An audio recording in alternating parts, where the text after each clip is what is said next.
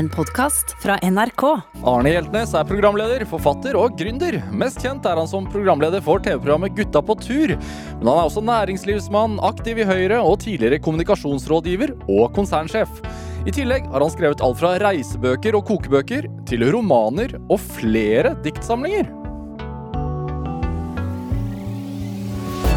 Dette er Drivkraft med Vegard Larsen i NRK P2.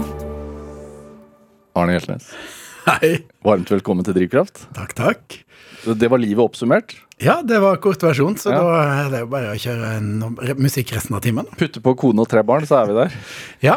Nei, det er alltid eh, rart å få oppsummert hva en har drevet med, for det at, eh, jeg er nok en type som lever mest i nuet. Ja. Så, så da eh, blir det litt sånn Er det et valg, eller er, er, er man sånn? At man lever i nuet? Nei, jeg tror at eh, det er mer slik som eh, Ja, som jeg er som person, at jeg er mest opptatt av det jeg driver med akkurat nå. Ja. Blir du kjempefokusert?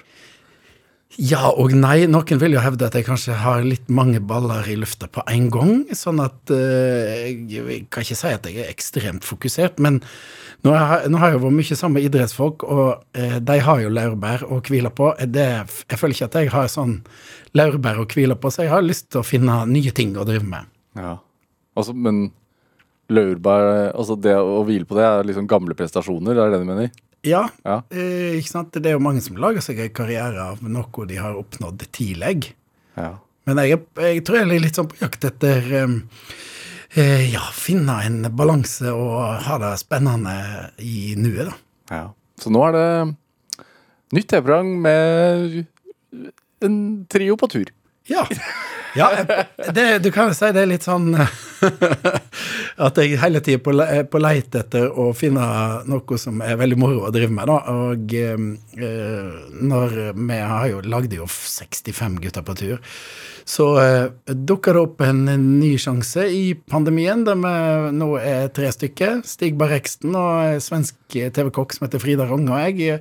Stig, Stig Berreksen, som jo da er ikke bare norgesmester i gin, men verdens Ja, Altså, han er lager verdens. beste gin i Ja. Norge. Ja. Så jeg eh, har jo reist rundt med egen kokk før. Jeg syns det var veldig lurt. Og nå tok jeg med bartender òg, så eh, det er mange vil hevde at jeg har gjort dette bare for å drive med morsomme ting. Men nei, men det men, eh, Jeg elsker jo dette landet vårt, og eh, det vi skal gjøre, er at vi skal lage en TV-serie som skal gå i Amerika, der vi viser fram eh, landet vårt. da. Det heter People of the North. Hvordan får man da bare en telefon fra amerikanske PBS, som er en slags versjon av NRK i USA, og sier sånn uh, Arne Hjaltnes, we have heard we, we, have seen the gutta på tour. Arne Hjeltnes, we never heard of you. Det er det jeg tenkte. Nei, det begynte med at um, det var pandemi, og eh, Stig og jeg uh, grubla på hva vi kunne finne på. Han hadde jo ingenting å drive med, han heller. Og så reiste vi på Lykke Fromme opp til Lyngen. Der ligger det et eh, lite destilleri som lager gode ting av nordnorske urter og bær som heter Aurora. Og så lagde vi rett og slett det som heter en pilot. Vi hadde med oss en, en god venn av meg som er fotograf, som heter Odd, og så filma vi eh, både på norsk og engelsk. Og så kjenner jeg Morten Ottesen, som har laga New Scandinavian Cooking i mange, mange år. Som er Som er, som en serie om norsk mat, nordisk mat, som har gått i USA siden 2002. Og så eh, møtte jeg han, og så sier jeg at det er en veldig god idé.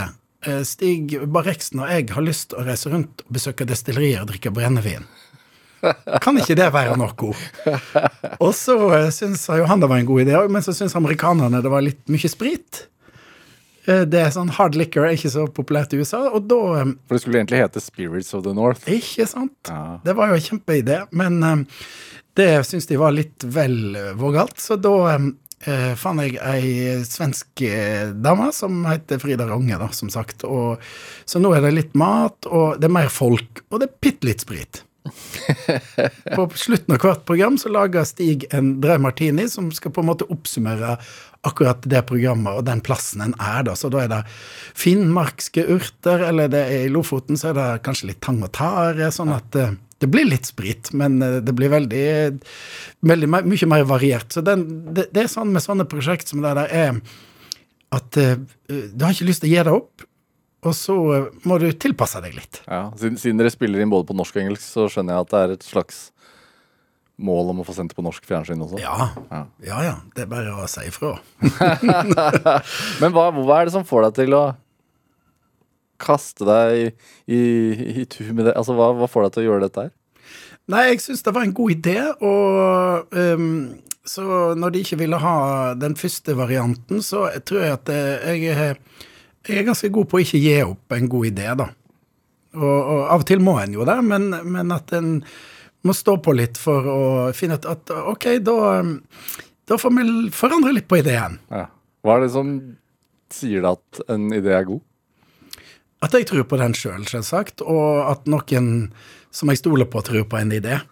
Uh, det trenger ikke, den trenger ikke være sånn at alle syns den er god i hele verden, men eh, jeg syns jo det er veldig Jeg har jo noen folk som jeg alltid liksom testa, spesielt i familien min, da. Så er jo fire damer, og de er jo godt kritiske til meg. Hvordan arter det seg? Nei, de er jo øh, passer på at jeg ikke gjør dumme ting, og vil gjerne ha et ord med i laget, så da lufter jeg det for dem, og så får jeg tommelen opp. Men, men det er klart, øh, når du tenker på hvordan, hvor flott dette landet vårt er, og alt det spennende som skjer når en eh, kjenner landet litt, og veit om litt folk her og der som har jo jeg jobba egentlig med formidling i veldig, veldig mange år, så da veit jeg jo at det er en det er en god idé hvis vi får gjort det skikkelig. Hva er, hva er morsomst med å lage TV da, på den måten? Nei, det aller morsomste er jo når det skjer. Og så eh, jobbe med å få det så bra det kan bli etterpå. da, og Være med og finne ut hva slags innhold skal det være. Hvordan bør de ulike scenene være. Litt eh, Ja. Det, jeg, jeg har ikke lyst til å slippe det før det liksom er helt ferdig, uten at jeg er sånn fingerspits på å redigere og riktig musikk og sånne ting, men liksom innholdet, da. Ja. Hvor viktig er det å ha det gøy underveis? Nei, det er jo utrolig viktig. Du må jo finne energien en plass. Det er, det er jo ofte lange dager, det er mye transport, det er mange ting som kan liksom eh, dra energi ut av deg hvis ikke eh, du har det moro. Og så er det viktig at alle som er med Vi kjørte jo veldig sånn demokratisk stil når vi lagde Gutter på tur, med at eh, vi var en gjeng som eh, fikk plass i en kassebil, alle sammen. Og da var vi jo sammen hele dagen. Og det, det tror jeg òg er litt sånn viktig, for en er, jo, en er jo avhengig av at de en jobber sammen med, skal synes det er moro òg. At ikke du kommer inn stille foran kamera, leverer en replikk og går inn igjen i campingvogna di. Det er jo ikke sånn det skjer. Men så, altså når jeg leste, leste introen her om deg, altså du oppsummerte CV-en din sånn relativt kort, så er det jo Du har gjort øh, ganske varierte ting. Gjort ganske mye forskjellig. Er, er det sånn at når du først begynner å kjede deg, så at du hopper du videre? Ja, ehm, jeg tror at jeg Jeg tror at jeg klarer å holde på med litt forskjellige ting, og det gir inspirasjon inn i, i andre ting jeg driver med. Da. At jeg, jeg tror alltid jeg har hatt, likt å ha hatt eh, flere ting gående. Da. Jeg hadde mange år der jeg jobba i, i et kommunikasjonsselskap som sjef, og da var det jo kjekt å ha litt sånn, skrive litt ei bok eller gjøre et eller annet ved sida av. Eh, jeg eh, bruker jo ikke fire timer om dagen på å trene til Birken eller slike ting. Sånn at du har eh, Du må liksom ha en balanse, da. Sånn at eh, det å, å sitte og kose seg og skrive eller tenke på nye ideer eller jobbe med noe, det er veldig fin avkobling. For at hvis du bare sitter og hamrer løs på den samme ideen, så er det ikke sikkert du kommer videre, da. Nei. Men hvordan er et vanlig døgn for deg, eller en dag for deg, da? Nei, det vanligvis er det kanskje et par timer der jeg eh, Når står du opp, da? Jeg står tidlig opp. Hva, hva er tidlig? Nei, jeg våkner i seks-halv sju-tida, og så eh, pleier jeg eh, drikke alltid te om morgenen, og så eh, har jeg alltid tenkt et eller annet. Jeg har masse sånne små notatbøker som jeg skriver ting i. Hvorfor te? Nei, det har jeg lært av mor og far min. Te uten sukker, det er Familien min drikker det hele tida. Og så drikker jeg kaffe når jeg er på jobb. Ja. Og drikker ikke te. Så jeg drikker te gjennom kvelden. Det er veldig Ja. Svart te? Ja, svart Earl Grey Ja. uten sukker. Som er laga i en kaffetrakter. Å ja. Ja, ja. det har jeg òg lært av mor og far min, og det gjør ungene mine òg nå. Med, altså med kaffefilter Ja, og ja, og så- og så ei halvannen spiseskje med, med løs te oppi filteret. Men da må du ikke bruke den kaffetrakteren til kaffe. Nei. For det setter smak i hele systemet. Så, da, så det er sånn er livet, holdt på.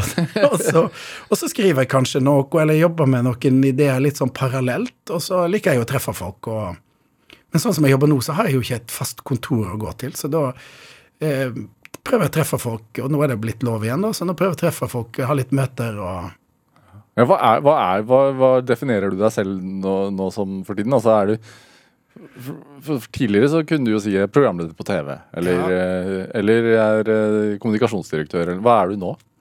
Ja, det er et godt spørsmål. Jeg har jeg, Jeg er litt sånn altmulig mann, på en måte. Nei, jeg har ikke noe god tittel akkurat nå. Så nå er jeg jo eh, Aksjeforvalter? Nei, det driver jeg ikke noe særlig med, så jeg er ikke der heller. Og jeg har ikke noe politiske verv. Det har jeg ikke hatt siden på fem år, så jeg har ikke Så jeg har liksom Gründer? Litt smågründer? Men det jeg driver med, er jo stort sett prosjekt som ikke nødvendigvis blir ei bedrift. Altså, jeg jeg syns jo gründer er mer en som starter noe som var, blir varig. Jeg liker å jobbe med ting som har en slutt. Ja. At det skal være noe der til slutt. Ei bok skal være trygt og ferdig, eller et program skal sendes, eller en, en eller annen idé skal, skal være noe eh, som eh, har et eh, som er sluttprodukt. Jeg tror det var, Jeg begynte jo å jobbe i reklamebransjen, og det var helt fantastisk, for dette, det var ikke altfor lange prosjekt.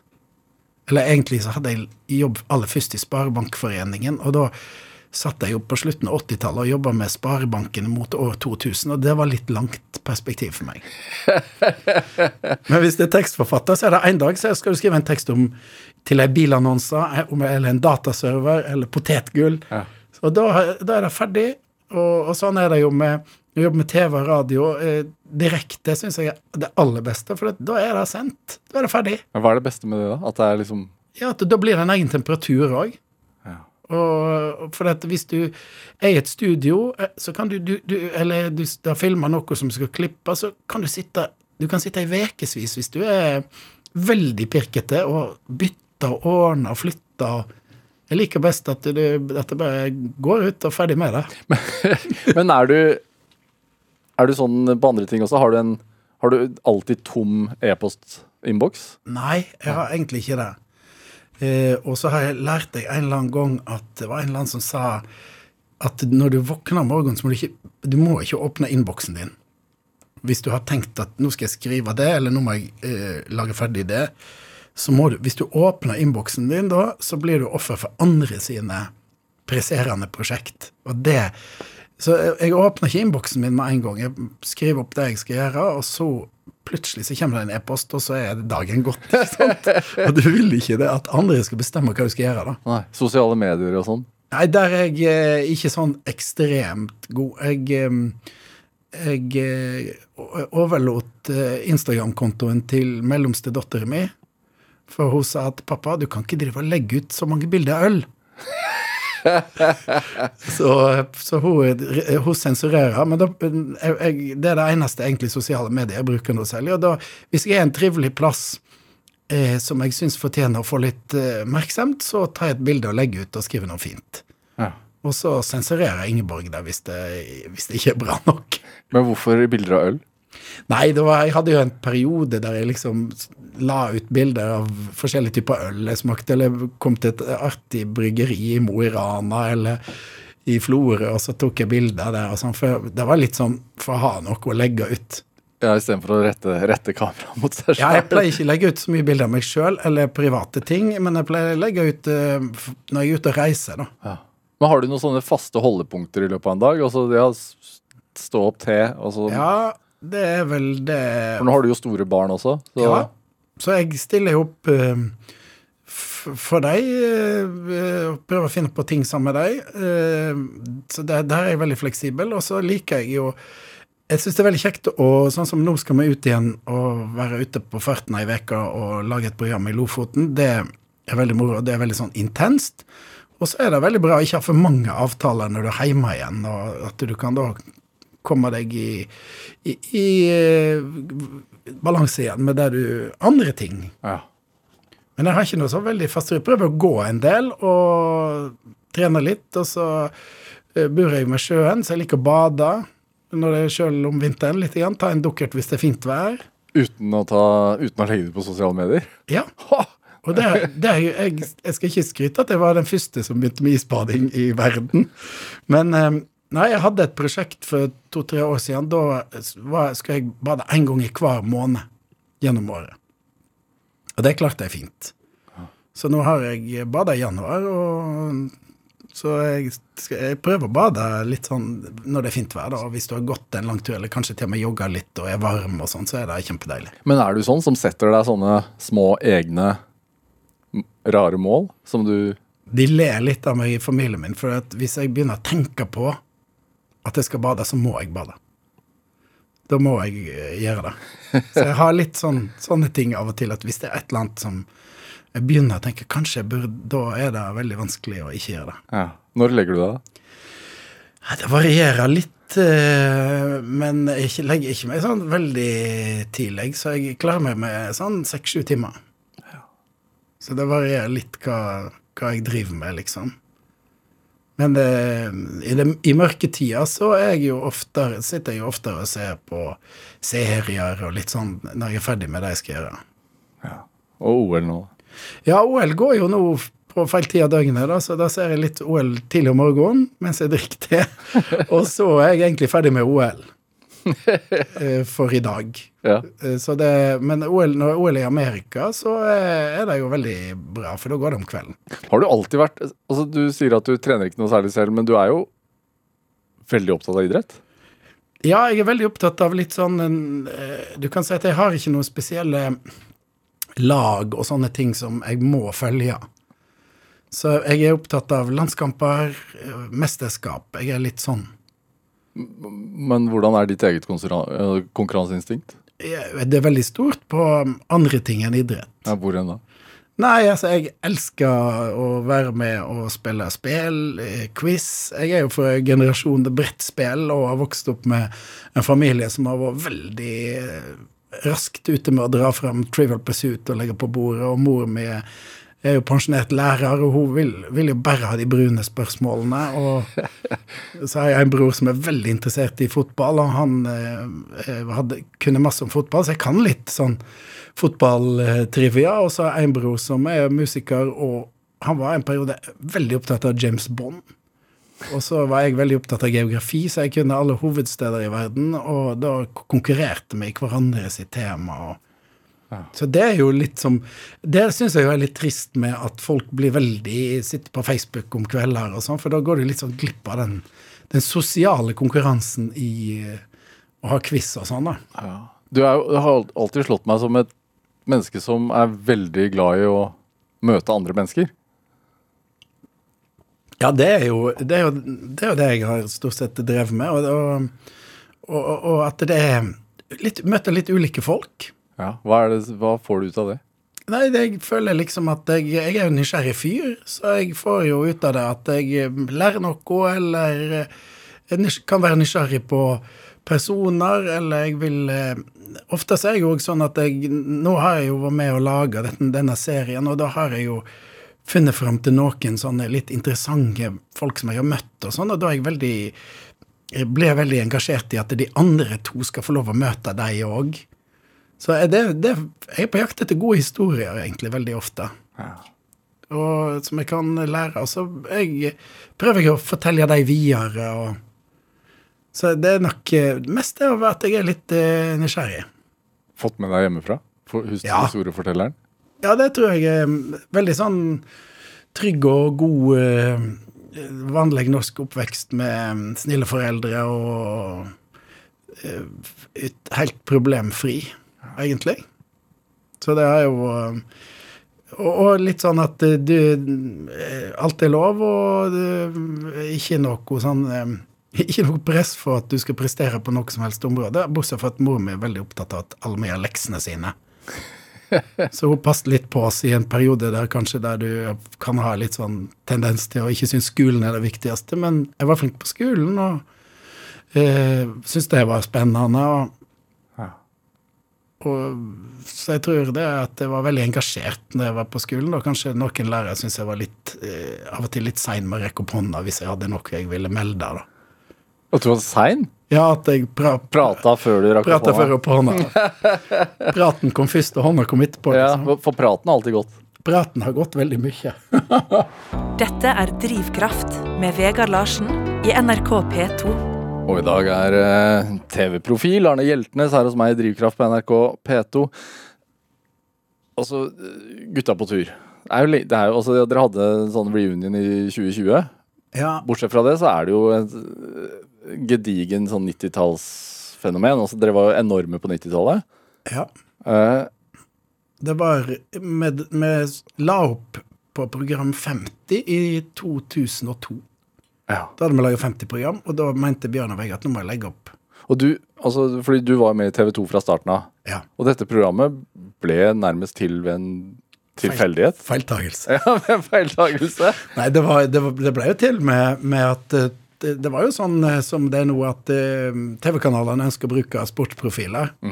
Og så visste de ikke helt hva de skulle bruke Bjørn og Vegard til. Og så var helt tilfeldig at det ble sendt av gårde sammen med Bjørn og Vegard opp til en kokk oppe i Gudbrandsdalen, som de mente de kunne lage noe TV der, og de kunne skyte noen ryper, og så kunne jeg eh, rapportere det til eh, God morgen Norge. Og så ble vi kompiser, og eh, det, det tok to år før det ble noe av. Så det, det var Og jeg har også de høye herrer i TV 2 sa at du må bli kvitt han kokken. Det blir ikke bra med han kokken. Nei, stakkars Brimi. Ja, ja, det var sånn det må, På grunn av dialekten? ja, Han mente de var for- altfor innadvendt, og ingen skjønte hva han sa. og dette, også var en som sa at er dette liksom det beste kokken Norge kan stille med på TV? Nei. Så, så trodde jeg på det, da. og Jeg er kanskje litt sånn standhaftig av og til. da, og tenkte at Brimien kommer til å bli bra, han. Ja. Og da, det ble han. Hvordan er det, altså fordi Ulvang og Dæhlie er jo ikke Nå kjenner jo ikke jeg de personlig, men i hvert fall sånn på TV-skjermen på den tiden så fremsto jo ikke de som de mest ekstroverte gutta. Nei, det var en sånn eh, perfekt kombo kanskje for 90-tallet, da, for det at de, de Jeg tror vi fire ble liksom sånn tverrsnitt av eh, Alle kjente noen som ligna på noen av oss. Ja. Og den mest urbane av oss var jo da Bjørn Dæhlie fra Nannestad. Eller så var det jo folk fra bygdene og rundt omkring. Så jeg tror egentlig eh, det var en god kombo. kombo så var det jo var jo de enormt populære. Ikke sant? De var jo Idrettshelter har jo aldri blitt dyrka på den måten, nærmest. Nei, det er vel bare Gjermund Eggen kanskje som har vært større enn deg. Og, og, og så var, var timinga var god, og det var liksom et, eh, en helt ny type TV-program med at du reiser rundt og ser hva som skjer, og det var litt matlaging. og og Bjørn og Vegard var jo veldig heldige, for de kunne jo bare møte opp. og så eh, være seg sjøl. Sånn at uh, Var det du som sto for mesteparten av planleggingen? jeg var reiseleder og produsent og ordna, ordna alt. Ja. Og så tenkte Brimin ut noe koking, og så var Bjørnar Vegard med. ja. Hva var det et program alltid måtte inneholde? Måtte alltid inneholde mat. Ja. Så det var det eneste. Og så noen aktiviteter, utendørsaktiviteter av et eller annet slag. Og så En eller annen konkurranse, eller Digg Ulvang og Dæhlie måtte jo konkurrere ofte, husker jeg. Ja da. Og så eh, etter en stund så eh, Eller egentlig ganske tidlig så begynte vi å ha med Vi hadde jo med gjester og sånn, da. Men, men det er klart, hvis vi var en plass som var veldig kjedelig, så måtte Brimi lage litt mer mat. Så det hadde liksom et trekkspill der, og vi kom jo hjem med 17 timer opptak liksom for en tur, og så skulle det ned til 43-44 minutter, så det, det var jo eh, alltid litt å ta av. Ja. Når er det du skjønte at du hadde livets rett, da? Nei, det var jo når eh, Etter to år, da, men det gikk først, så var det nesten ingen som så på de fire første programmene. Og så gikk det i reprise ei jol, og jula 95. Og da skjønte jeg at For da var det mange som så på, og da sa jo de samme som sa at Brimien ikke kunne få være med, sa jo da at bare reis hvor de vil, og gjør hva de vil.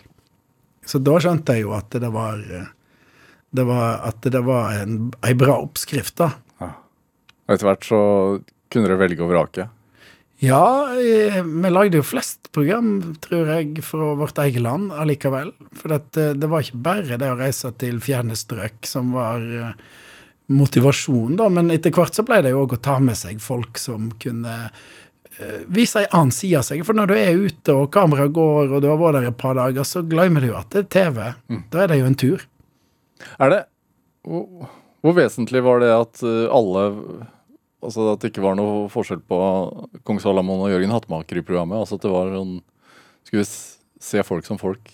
Ja, jeg, jeg tror at um, Jeg tror at alle har godt av det, å være, å være sammen på helt eh, på like fot. Og at, ikke sant, Vi bodde på firemannsrom og åttemannsrom, og eh, Nå var jo ikke de veldig verken vanskelige eller snobbete, de to verdensstjernene. Så eh, det var egentlig Det var jo som Alle har jo en gjeng som de liker å være sammen med, der du da uansett om noen har gjort det veldig bra, noen kanskje har litt mer vanlig jobb, så en kameratgjeng eller en venninnegjeng, så når, med en gang en er på tur og sånn, så er jo folk like. Og, det, og det tror jeg var Det tror jeg er veldig norsk, for jeg husker jeg, jeg jobba faktisk litt i Sverige òg da når jeg jobba i TV 2. men Jeg lagde en trylleserie, og de svenskene var veldig nysgjerrige på, på Gutta på tur. Men de skjønte liksom ikke helt den der turgreia. og de hadde ikke Jeg tror ikke de hadde fire kjente folk som kunne være sammen uten å være uvenner. Eller, men men det, det er veldig norsk greie, da. Kunne det blitt laget i dag på den måten, tror du? Nei, altså jeg, jeg tror ikke det. For dette For det første så vil de ha mye mer action i programmet, og folk skal stemmes ut, og det Ikke sant. Det er Jeg tror ikke det. Og jeg tror det var egentlig Vi hadde et lite comeback da når vi hadde ett comeback når Kongen ble med i 2010, og så hadde vi ett comeback når TV 2 var 25 år. og hvis vi skulle gjort det i dag, så måtte en iallfall gjort det helt annerledes. Men eh, det er skummelt å gjøre comeback òg. Hva skulle vært annerledes, da? Nei, nå har jeg jo, lager jeg jo noe som er annerledes. Er det kjappere? Nei. Klipper du kjapp og stemmer du ut bareksten? Nei. Nei, det, det er egentlig ikke kjappere, men det er litt, nå, nå får vi jo sjansen til å vise fram litt hvordan det norske samfunnet er, da. Hva som eh, gjør at folk holder ut i Kjøllefjord. Hvordan det er å leve der i mørketida. Det, du kan si det er litt mer ikke, Jeg skal ikke si alvorlig, men det, amerikanerne er jo veldig nysgjerrige på hvordan dette samfunnet, dette veldig vellykka samfunnet vårt egentlig er. Og hvor rart det er at folk overlever sånne plasser der det ikke er et eneste tre, og det er mørkt halve året, liksom. Så det, det er det er litt moro å få være med og, og, og formidle. Så jeg tror det hadde ikke vært nok i dag, kanskje bare reise rundt og finne på noe, men, men jeg tror at du kunne ha hadde fått spennende gjester. Vi lagde jo program i 2018 med, med dronninga, som jeg mener kanskje er en av de beste vi har laga, med at du får eh, for første dronninga vår i en setting som du skjønner at hun elsker å være ute, og så byr på seg sjøl og sånn. Så hvis det hadde vært litt mer sånn, så kunne det kanskje ha fortsatt. Så det, men det er ingen som har ringt og spurt. Hvis du sa litt mer sånn hvis Kronprinsen og Hvis det er stort sett der oppe, så funker det. Nei, men det kan være andre spennende folk, men, men jeg tror det, det funker veldig godt på folk eh, som eh, seeren er interessert i, da. Ja. Sånn at de kan se det i en litt annen setting. Så det måtte jo være Jeg vet ikke hvem det kunne være, liksom, men eh, det er jo eh, en masse folk som vi lurer litt på, og det er jo, det er jo egentlig det du driver med her òg, da. Det er jo folk som driver med veldig forskjellige ting, og så vite litt mer om hvordan de tenker. Det er litt, litt mer komplisert kanskje på, på fjernsyn, for du har mye kortere tid ofte å vise det. Du var jo med eh, i oppstarten av TV 2. Ja. Jeg ble ansatt eh, i januar 92, og så gikk eh, TV 2 på lufta 5.9.1992. Ja, drev med promotering Promo? i starten. Ja. Ja, da hadde jo ikke NRK promo, for dette, det var jo så å si monopol. Ja. Men vi måtte jo ha promo. Så, la- eh, så egentlig var jeg jo promo er jo å lage trailere, da. Og, og jeg hadde ansvar for innpakning, menyer, grafikk. Jeg hadde jo hallo-damer og menn. Og, og det var jo fordi at eh, vi måtte jo prøve å dra folk inn i resten av tilbudet. ikke sant? Fra, det var jo egentlig bare to program som folk så på første eh, høsten. Det var Holmgang med Nils Gunnar Lie. Så var Casanova med Pål Tarjei Aasheim. Og da måtte jeg legge trailere rundt de programmene. Så vi har òg andre ting som er bra, da. Ja. Husker, altså, hvordan ville, husker du hvordan du tenkte for at TV 2 skulle liksom skille seg ut? Ja, jeg lagde, vi lagde noe som vi kalte for folketrailere. Da vi reiste rundt i landet, så fikk vi folk til å traile program som på en måte var deres favoritt. Jeg husker politimesteren i Ålesund, han traila LA Law. og, og, da hadde vi sånne For var, vi var jo veldig opptatt av at TV 2 skulle være litt annerledes, da, både på meteorologer og hallotjeneste, og alt skulle, skulle være litt mer folkelig enn en NRK. Og så uh, brukte vi da folk rundt i landet til uh, å snakke om programmene som skulle komme, om sine favoritter. Så det var ett grep. Og så var det var sånne forskjellige typer um, bilder fra Vi brukte mye bilder rundt omkring i Norge. og så det var, det var, jo egentlig litt sånn Hele kanalen var jo til å begynne med litt sånn Norge Rundt. Ja. hva er det er folkelig, tenker du? Nei, jeg tenker det som ikke er eh, veldig snobbete, og til, det som er litt sånn tilgjengelig, folk kjenner seg igjen i. Mm. Og, det, og, det, kan være veldig flott. Det kan være eh, og eksklusivt, på en måte, med, hvis du tenker på natur eller sånne ting. Men um, jeg tror det, det, handler om å, å, ha noe som har en slags fellesnevner. da. Mm. Ser du på deg selv som folkelig? Ja, jeg ser på meg selv som uh, relativt uh, vanlig. liksom. Jeg er interessert i samme ting som veldig mange andre. Ja.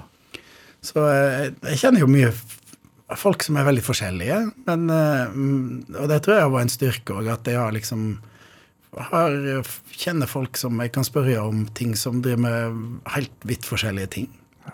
Arne Gjersnes, vi skal høre litt musikk. Ja. Um, du har med en Ole Paus-låt. Jeg er veldig fan av Ole Paus, og jeg er veldig glad i å, å skrive. Og jeg syns uh, han har skrevet så utrolig mange fine sanger fra, fra det som er djupt alvorlig og sårt og melankolsk, til ting som er veldig morsomme. Og så har han jo vært litt sånn opp, Karrieren hans har gått litt sånn opp og ned. og han er sjølironisk, og han er veldig vanskelig å plassere. Er han folkelig? Ja, han, han, tror jeg eh, mange vil oppfatte som, som veldig, veldig folkelig. For han, han, tør å være litt sånn kritisk, og så tør han å by på seg sjøl. Og så har han ikke verdens beste sangstemme, noen som mener. Men den er jo veldig han. Ja. Skal høre 'Det er noe ved meg'. Hva er det med den, da? Ja, Den er eh, herlig, for jeg tror den er skrevet i en periode der han det var, gikk litt opp og ned, og så tenker han at ja, men shit au, eh, livet leker allikevel, som han sier, da.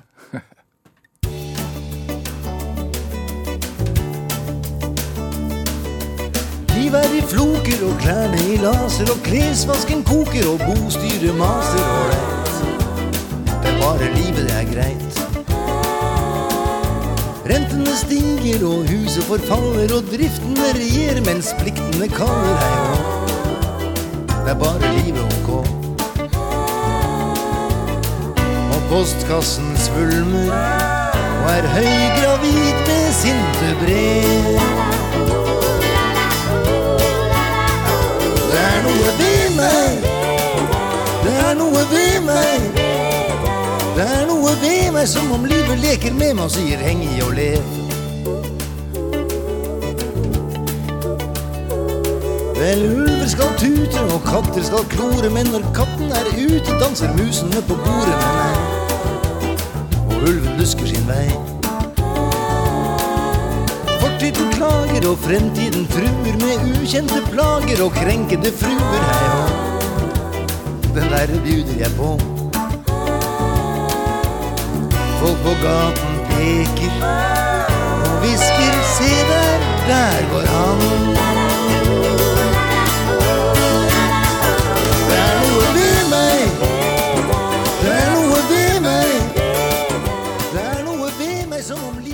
Ja, du fikk en smakebit av 'Det er noe ved meg' av Ole Paus her i Drivkraft på NRK P2, valgt av dagens gjest her i Drivkraft, eh, nemlig forfatter, programleder, gründer Arne Hjeltnes.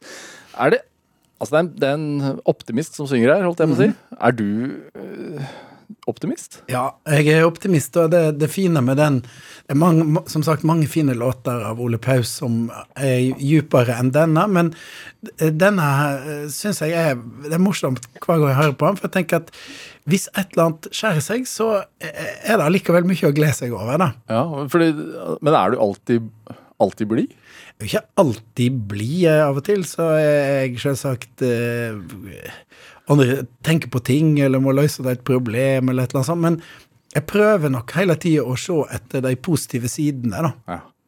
Sånn at eh, et, hvis det ikke blir noe av noe, så tror jeg jeg er veldig rask til å prøve å finne noe annet å bruke energi og tid på, da. Nå merker du det, da? Nei, du, du merker jo det veldig hvis du, hvis du driver sånn som meg og jobber med en, en eller annen idé eller noe, så tenker jeg ja ja, det var kanskje ikke så lurt, så da finner jeg på noe annet. og... Fiskeeksport i Hongkong. Ja, det, da jobba jeg jo for staten. Da var jeg jo utsendt for Fiskeridepartementet for å promotere norsk fisk. Ja, men det er sånn overgangen der. Ja, den syns jeg var, var veldig spennende. Jeg hadde jo jobba med liksom markedsføring og sånn, men og det var jo egentlig min kjære samboer Katrine som eh, hadde lyst til to jobber i nyhetene i TV 2 og hadde vært i Hongkong når engelskmennene overlot det til kineserne og syntes det var verdens tøffeste plass. Og så plutselig en dag så sto det annonser at de søkte etter fiskeriutsending til Hongkong, og så sa hun at dette er nok for oss. Så søkte jeg og fikk den. og det, Så det var en familieplan. Det var, det var et veldig viktig familieprosjekt, og, og våre tre unger var med. Og eh, nå har jeg akkurat ei datter som har vært der et halvt år på utveksling, sånn at de har veldig nært forhold til det. Og det var veldig bra å komme seg litt vekk fra andedammen. Det unner jeg alle. og eh, jeg fikk jo masse oppmerksomhet når jeg var på TV, og det var masse styr rundt det, som gjorde at jeg da at det da kanskje Du ble jo et av Norges mest kjente ansikt en periode. ja, telefonen ringte hele tida, og eh, sånn at jeg tror familien følte at det tok mye plass. Og når jeg var i Hongkong, så var det jo ingen som eh, lurte på noe annet enn om fisk. og ingen skulle ha diktopplesning, og ingen skulle intervjue meg. Og, så det var veldig fint å være med der sammen. Så det var et veldig bra, veldig bra prosjekt. Så jeg følte at det var Ble folk overraska over sceneskiftet? Ja, det, det, var, det ble de. Ehm, De lurte på hvorfor vil du i fisk, liksom. TV-bransjen skal til himmels. eh, Dette. Men, men jeg, jeg tror jeg har følt at jeg alltid skal ha en litt sånn ehm, En day job, som det heter på engelsk. At du må ha noe ordentlig å drive med i tillegg. Det, jeg husker jeg var jo med å starte Herreavdelingen her i NRK i 96, sammen med annet Marius Müller. Da satt jo Finn Bjelke og jeg og skravla i et radiostudio og spilte plater og bare fant på tull og tøys, og da husker jeg Finn sa at en eller annen gang så kommer folk til å oppdage dette, vet du, så kommer en mann inn døra og sier at dette er ikke en ordentlig jobb, gutter. Så jeg har følt, tror jeg, at jeg må ha noe ordentlig å drive med i tillegg til det som er mer kreativt, da. Ja, hvordan, men hvordan var den overgangen, da? Nei, det var, det var jo å bli kjent med folk. Jeg måtte bli kjent med kinesiske fiskeeksportører, reise rundt, eh, høre hva de trengte hjelp til. Eh, så det var veldig sånn eh, det, var, det var veldig interessant, jeg lærte masse. og Måtte bli, få nye venner, og i hele tatt det å komme seg litt vekk av og til, det er jo det er jo utrolig mm, verdifullt. Det er også Erling Kagge sa at hvis du liksom er borte i tre år i Hongkong, og kommer du tilbake på teaterkafeen før jul, så lurer folk bare på om du var ute på do. For årene har jo litt lett for å ta hverandre, da. Ja. Og, og det tror jeg at jeg eh, tenker litt på da, når jeg eh, har lyst til å prøve ting. Og så noe, noe blir bra, og noe blir nesten bra nok, og noe blir 90 Men er det sånn at du har noe du må rekke, liksom? Altså at Jeg tror ikke jeg er veldig sånn stressa på akkurat eh, at jeg må få til ting, for jeg, jeg har ikke sånn femårsplaner. Nei. Det har ikke jeg, så jeg har ikke noe sånt som jeg må gjøre. Men eh, jeg har sånn flere baller i lufta som jeg skal prøve å lande. Og, og så Jeg tror jeg er flink til å flytte fokus over på Hvis det er noe som begynner å lykkes, så, så går jeg etter det. da. ja. Hva lærte du om deg selv i Hongkong, da? Nei, jeg lærte eh, at eh, det var, Jeg lærte spesielt det at du liksom kommer inn i et helt nytt miljø, og at du ikke skal liksom gå rundt og tro at du er noe for dem det er på, på TV. uh, og, og det å bli kjent med folk eh, og, og mm, reise rundt i Asia var bare helt Det var jo en drøm. Det var, jeg, hadde, jeg hadde åtte land som jeg hadde ansvar for, og det var bare sånne Det var Singapore, Thailand, Vietnam, Filippinene, Indonesia. og så det var jo et eventyr. Hva tenker du om at uh, laks og Kina og sånn ble en politisk bombe? Ja, altså, jeg, jeg, eh, ser jo det at eh, vi har et vanskelig forhold til Kina, for at Kina er ikke et demokrati. Og det er veldig trist det som skjer i Hongkong. Hongkong som var De kineserne lovte at de skulle beholde engelsk lov. Og det fortalte jo datteren min da hun var borte. Jeg var der rett før pandemien òg, og jeg syns jo det er at de på en måte knuser demokratibevegelsen i Hongkong, er jeg ikke så veldig glad for. Men vi selger jo produktene våre rundt omkring i verden, og så lenge det er lovlige produkt og ikke det er giftig og ikke det er farlig, så er det jo Det er jo vanskelig å, å boikotte verden hvis en skal eh, leve av å eksportere noe, enten det er olje eller mm, fisk. Mm. Jeg syns jo olje slipper litt billig unna av og til. For med det strør du 12 000 milliarder over et folk, så får du mange venner. Ja, du syns ikke vi er kritiske nok? Nei, altså det, men det, det er jo ol olja som holder Nå er liksom bærebjelken i velstanden vår, mens eh, det er mange som Jeg syns det er flere som er sinte på laksen enn på olja, da. Ja, er det det? Nei, det er nok ikke det prosentvis, men det bare virker sånn, kanskje. Nye, det er, men det er kanskje fordi at det er noen enkelte som tjener penger på laksen, og så er det vi alle som tjener penger på olja? Ja, men det er jo minst to jobber i, på land for hver laksejobb. Så det, en, jeg har reist mye rundt langs kysten, og det er jo utrolig viktig for mange småsamfunn at de har noe å drive med. Og da er det lett å sitte på Grünerløkka og ete sushi og si at det der laksefolka, de, det er noen luringer og milliardærer. Så jeg, jeg, men jeg er jo inhabil. Jeg syns jo det, det er veldig mange mellomstore og det er noen få store, men de mellomstore som lever i et lokalsamfunn og, og sørger for at det er lys i husene, de, de kommer altfor lite fram. Hvor ofte spiser du sushi? Nei, jeg spiser vel sushi iallfall én gang i uka. Men ikke på Grünerløkka? Jo der òg. Jeg, jeg, har ikke noe mot Grünerløkka, men, men det er litt sånn perspektivet. Grunnen til at jeg engasjerte meg i politikken i noen år, var at jeg syns at det var for lite fokus på verdiskaping.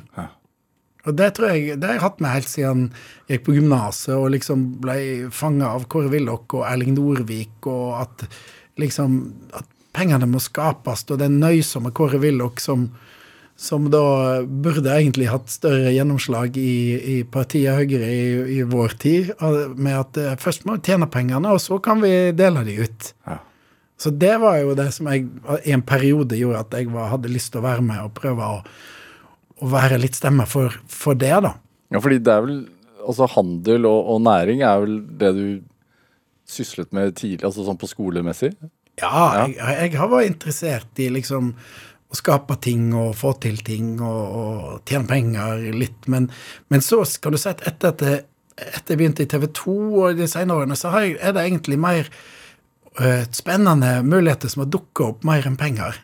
Ja. Så jeg, jeg, kunne nok kanskje ha gått litt mer i en sånn mer um, finansiell retning, kanskje, men jeg tror ikke, jeg vet ikke om jeg hadde passa til det. men nå, men jeg er veldig opptatt av det der med å, å, å verdiskape. Jeg er veldig interessert i når du møter folk ute i små samfunn som har skapt et eller annet. Det er fascinerende. Hvorfor det? Nei, jeg syns det, det, der å, å, å, få til å skape arbeidsplasser, skape noe som betyr noe for andre folk, det er veldig Det er veldig prisverdig, og det trenger vi jo. Mm. Er det en slags konkurranse i, det, i, deg også i forhold til det? Å få også skape noe som, som, blir en suksess, eller noe som har liksom livets rett? Ja, det, det tror jeg nok. Jeg drev jo på i tre år i Finnmark med, fordi at jeg ville være med og starte ei fiskebedrift, og den gikk nesten konkurs. Um, og jeg hang inn der på slutten. Uh, vi var tre gründere. Jeg var den eneste som var igjen, og det var på vei til skifteretten. Og så klarte vi akkurat å berge det, bli en del av uh, et større selskap. Uh, men arbeidsplassene og den fine fabrikken i Mehamn fins ennå, og det hadde jo veldig mange dårlige førstesider i fisk, bladet Fiskaren og med, med, bilder av meg der ikke så blid ut, og konkurs for Hjeltnes snart, og nå rakner det, og Men um, der, der, var jeg litt glad for at jeg holdt ut, da. Men eh, drømmen var jo å starte en flott, svær fiskebedrift. Nå er jeg jo en bitte liten aksjonær i den samme bedriften, men jeg er veldig, veldig glad for at det ble berga. For det, eh, det, er helt åpenbart når du kommer til en sånn liten plass som Mehamn, der må folk ha noe å gjøre av oss. De må, ha, de må ha en jobb. Og det, å ha en jobb, det tror jeg, var, tror jeg jeg er veldig opptatt av. For, altså, du flyttet jo mye i oppveksten din. Ja. eh, fordi at eh, Altså flyttet dere etter jobben til moren og faren din, eller? Ja. Ja. For faren min er pensjonert doktor, og mor mi er pensjonert lærer. Det er alltid bruk for en doktor eller lærer hvor som helst. Og da flytta vi fra Kristiansand i sør til Hammerfest og var innom mange forskjellige plasser. Og det var, tror jeg var veldig viktig når jeg ser på det i ettertid. Det tror jeg er det som har gjort at jeg er blitt så glad i å reise rundt i, i landet vårt. Og, og liksom om- komme nye plasser, møte nye folk. Hvor, hvor, hvor mange år drev dere med dette her? Vi drev med det fra jeg ble født i Kristiansand, og til jeg kom til Voss, da var jeg nesten 12. Og så flytta jeg jo fra Voss da jeg var 18. Så jeg, eh, Og da var det var vi jo sånn ett år, to år, vi var fem år i Trondheim. Vi var liksom i Asker, Sogn og Fjordane, Utne. Så da, og da var det, jeg synes jeg var helt fantastisk å flytte til Hammerfest. Det var mørkt om vinteren, og så var det midnattssol og Så det er sånn veldig gode minner, da, som Med rotløst, da.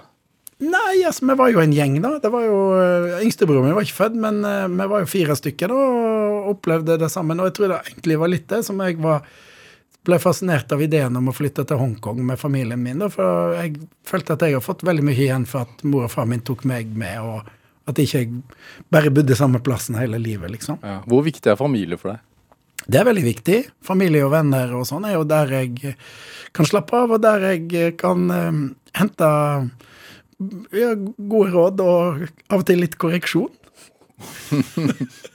Men hvordan er det? Altså Hvordan lykkes man som familie, tenker du? Man, altså Det å flytte til Hongkong med tre barn, det er jo en utfordring. Ja, det er en utfordring, men um, den er ikke uoverkommelig, da. Og, og jeg tror at um, det handler mest om at en uh, investerer tid i hverandre, da. Eh, jeg tror at eh, Og at en eh, Det hjelper jo veldig når du flytter en plass sånn. Da har jo alle på en måte sine utfordringer på Nå er ikke det veldig vanskelig, da. Det er engelskspråklig. Det er ingen kriminalitet, det er fint vær. Det er liksom Nei, men ny plass er alltid en utfordring. ja da. Ja, Derfor syns jeg ungene mine var utrolig tøffe. altså Som ble kasta inn i en engelsk skole og kunne ikke mye engelsk, men eh, de, de var utrolig flinke, de lærerne som var der. Sa at eh, ta det helt med ro, vi skal lære deg engelsk. Du trenger ikke sitte oppe om kveldene og pugge. og vi skal, det, Dette går fint. Så er, det, er familien et AS, liksom? Nei, det er vel mer en organisasjon. En ideell organisasjon.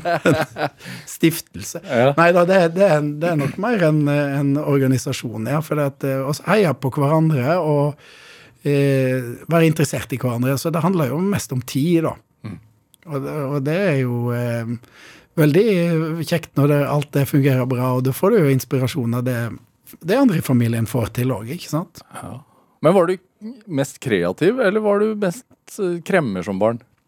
Ja, jeg tror jeg var mest kreativ. Jeg tror jeg har vært litt lite kremmer, kanskje. Jeg ser i forhold til ja, Bjørn og Vegard og ja, til og med Brimi, så tror jeg at jeg har vært mest interessert i å finne på morsomme, spennende ting. Oppleve. Jeg tror jeg liksom opplever ting. Jeg, jeg blir jeg er kjempeglad hvis jeg kommer til en ny plass. Eh, hvis jeg blir invitert til å holde, holde et foredrag en plass jeg ikke har vært før, så er det kanskje mm, mer spennende enn om det er veldig god betaling. Ja? Uten at jeg skal annonsere det her. De fem kommunene du ikke har vært i? Ja, det er de, de, eh, de, de trenger ikke å betale noe for foredraget? Nei, da eh, jeg, jeg er litt sånn eh, nysgjerrig på det, og, og nye, nye ting som jeg kan oppleve, tror jeg er spennende. Og, og enda bedre hvis du kan oppleve sammen med familie og venner, da. Hvis, sånn som nå regner jeg jo både de, de to som jeg eh, reiser på tur med, og de som er med og lager det for venner. Og det å oppleve sånne ting sammen er jo eh, Det er jo veldig kjekt. Ja. I næring?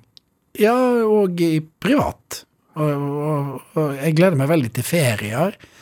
Ja. Vi er veldig gode å planlegge ferier i familien og diskutere hva, hvor vi skal, hva vi skal gjøre. Er du reiseleder da? Nei, nå er jeg, jeg er litt detronisert som reiseleder. Jeg har eh, nå eh, Den eldste datter min, Øyvind, hun er helt fantastisk god reiseleder. Er du Liker du å diskutere? Ja, ja. Ja. Jeg liker veldig godt å diskutere.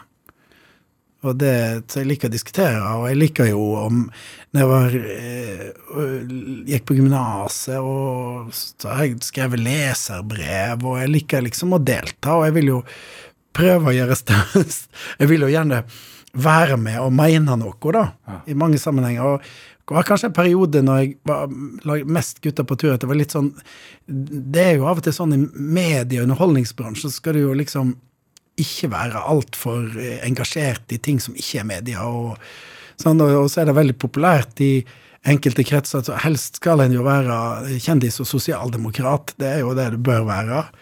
Men, eh, og ikke så mye kanskje da å være på TV og være mer konservativ og liberal som jeg er, da. Men jeg skriver jo leserbrev ennå, jeg. Hva skal til? Nei, det er jo sånn, jeg var engasjert meg veldig. Jeg skrev to eh, sånne kronikker eh, på um, Ytring nå i pandemien. En i fjor og en i, i år. Og det var fordi jeg syntes det var urettferdig, måten det ble organisert på. Ja. Hva, Det- handlet om? Nei, Det handler om at jeg syns at de ja. kasta eh, serverings- og reiselivsnæringa under bussen. Det var, tok altfor lite risiko. Og eh, at de Og jeg syns spesielt studenter og unge òg ble glemt. Og alt handla om hvor mange som var innlagt på sykehus. Og helse er jo mye mer enn det. Helse er jo folk som sitter alene på hybel, folk som ikke har jobb. Så da skrev jeg eh, så, eh, sint Ikke sint, men iallfall engasjert kronikk. Ja. Og det gjorde jeg både til den forrige regjeringa til den, altså, det var, det var partipolitisk nøytralt eh, engasjement og, og eh, irritasjon. Ja. Så det, jeg liker sånn eh, Jeg liker å engasjere meg. Du tenker at du skal bli hørt? Ja, og så har jeg jo en illusjon om at det, det betyr noe. At jeg eh, sier fra. Ja. Men eh, det har det jo ikke. Men jeg syns man må si ifra. ja. At det, det er lov å si ifra hvis du føler at noe er urettferdig. Men, eh, men hvor, hvor stort gjennomslag det har, det, det, det vet jeg jo ikke. Men eh, det var jo òg fordi jeg har veldig eh, mange som, som opplevde det, og da følte jeg liksom at iallfall den responsen jeg fikk fra de, de var veldig viktig, da. At noen, noen må tale deres sak òg. Når, hva er det som skal til for at du skriver dikt, da? Nei, det er ofte at du får en idé, du sitter og grubler litt, ikke åpner innboksen. Og så har jeg en eller annen liten idé, og så skriver jeg den opp i, i, i bok, og så, sitter, og så må du jobbe systematisk med det, da, med at du har en idé til et dikt, og så må du begynne å, å jobbe gjennom det. Det, det er mer arbeid. Det, er det, er, det er det samme. Jeg skrev en roman eh, som var drømmen min veldig lenge, at jeg skulle klare å skrive en roman. For det er liksom det gjeveste av altså Kokebøker og reisebøker er jo kjempebra og, og, og, og nyttig, men roman er liksom Det er det store. Og da drev jeg jo lenge og prøvde å få til det, og sånn, og da har jeg jo masse ideer, og så må du strukturere det litt, og så må du ha god fortelling og få litt eh, god hjelp til innspill, men, eh, men dikt kan komme veldig lett, og jeg skriver jo veldig mange sånne av de dikta mine er jo humoristiske tanker i en diktform, da, som folk kan kanskje kjenne seg igjen i, og mange av de er jo nostalgiske. Eh, fordi at jeg er jo litt sånn nostalgisk, så jeg tror det er mer en form for å få ut humor og eh, eh, glede folk og nå ut med og underholde folk, da, men så er diktformer veldig fin, da, for folk har sånn nært forhold til det. Mange skriver dikt sjøl, og de skriver konfirmasjoner og bryllup og 60-årslag og holder på. Hva er det som trigger nostalgien hos deg, da? Det, det, jeg får sånn veldig god følelse når jeg hører musikk, eller ser bilder, eller får liksom klipp på TV nå når det er OL, og gamle prestasjoner og sånn, så får du sånn følelse tilbake til et Jeg har jo hatt det veldig bra hele tida, ikke sant, så da får jeg sånn der Bringe Bringer tilbake minner, da. Minner er veldig sånn god nostalgitrigger, da. Sånn at du kan bli rørt, liksom? Ja, jeg blir litt sånn rørt og tenker at det var koselige tider, altså. Har det vært viktig for deg å bli sett? Jeg tror kanskje det var eh, litt viktigere før. Jeg var jo sånn som stilte meg opp, og jeg var eh, formann i russ, Jeg var russepresident på Voss, og jeg var med på revy. Og, altså jeg, var, jeg, jeg tror nok hele tida at jeg har lyst til å ha et publikum. Og så var jeg kanskje veldig ivrig når jeg begynte i TV 2, så hadde jeg en veldig god sjef i Dan Børge som sa liksom ta det med ro og ikke bli med på hva som helst her. og ikke Vær litt kritisk, så de, din tid vil komme og sånn. Så det tror jeg var veldig nyttig, for jeg tror jeg kunne ha blitt med på nesten hva som helst. Og når det var liksom Det var en veldig sånn suggesjon, ny TV-kanal, og det var masse oppmerksomhet. Og da var det veldig bra å få litt sånn erfarne råd om å holde seg litt tilbake. Og så har jeg kanskje vært litt mer eh, nøktern med hva jeg er med på. Hva er, hva er drivkraften din i dag, da? Jeg tror det er en blanding av å få oppleve ting for min egen del, og så tror jeg det er å at jeg har ting som jeg ønsker å få frem og vise folk, da, enten det er privat eller vise folk som, som ser og hører på eller leser. Vi, viser de noe som jeg mener er bra, eller som jeg eh, For å inspirere, liksom? Ja, ja for å, å, å, få fram et, en budskap eller eh, en tanke. Jeg syns dette var jammen artig, dette burde flere høre. Arne Hjeltnes, tusen takk for at du kom til Drivkraft. Takk for at jeg fikk komme. Hør flere samtaler i Drivkraft på nrk.no eller i appen NRK Radio. Send oss gjerne ris og ros og tips til mennesker du mener har drivkraft. Send den e-posten til drivkraft.krøllalfa.nrk.no. Vi hører gjerne fra deg. Produsent i dag var Ellen Foss Sørensen. Julia Martincic bidro med research til dette programmet. Jeg heter Vegard Larsen. Du har hørt en podkast fra NRK. Hør flere podkaster og din NRK-kanal i appen NRK Radio.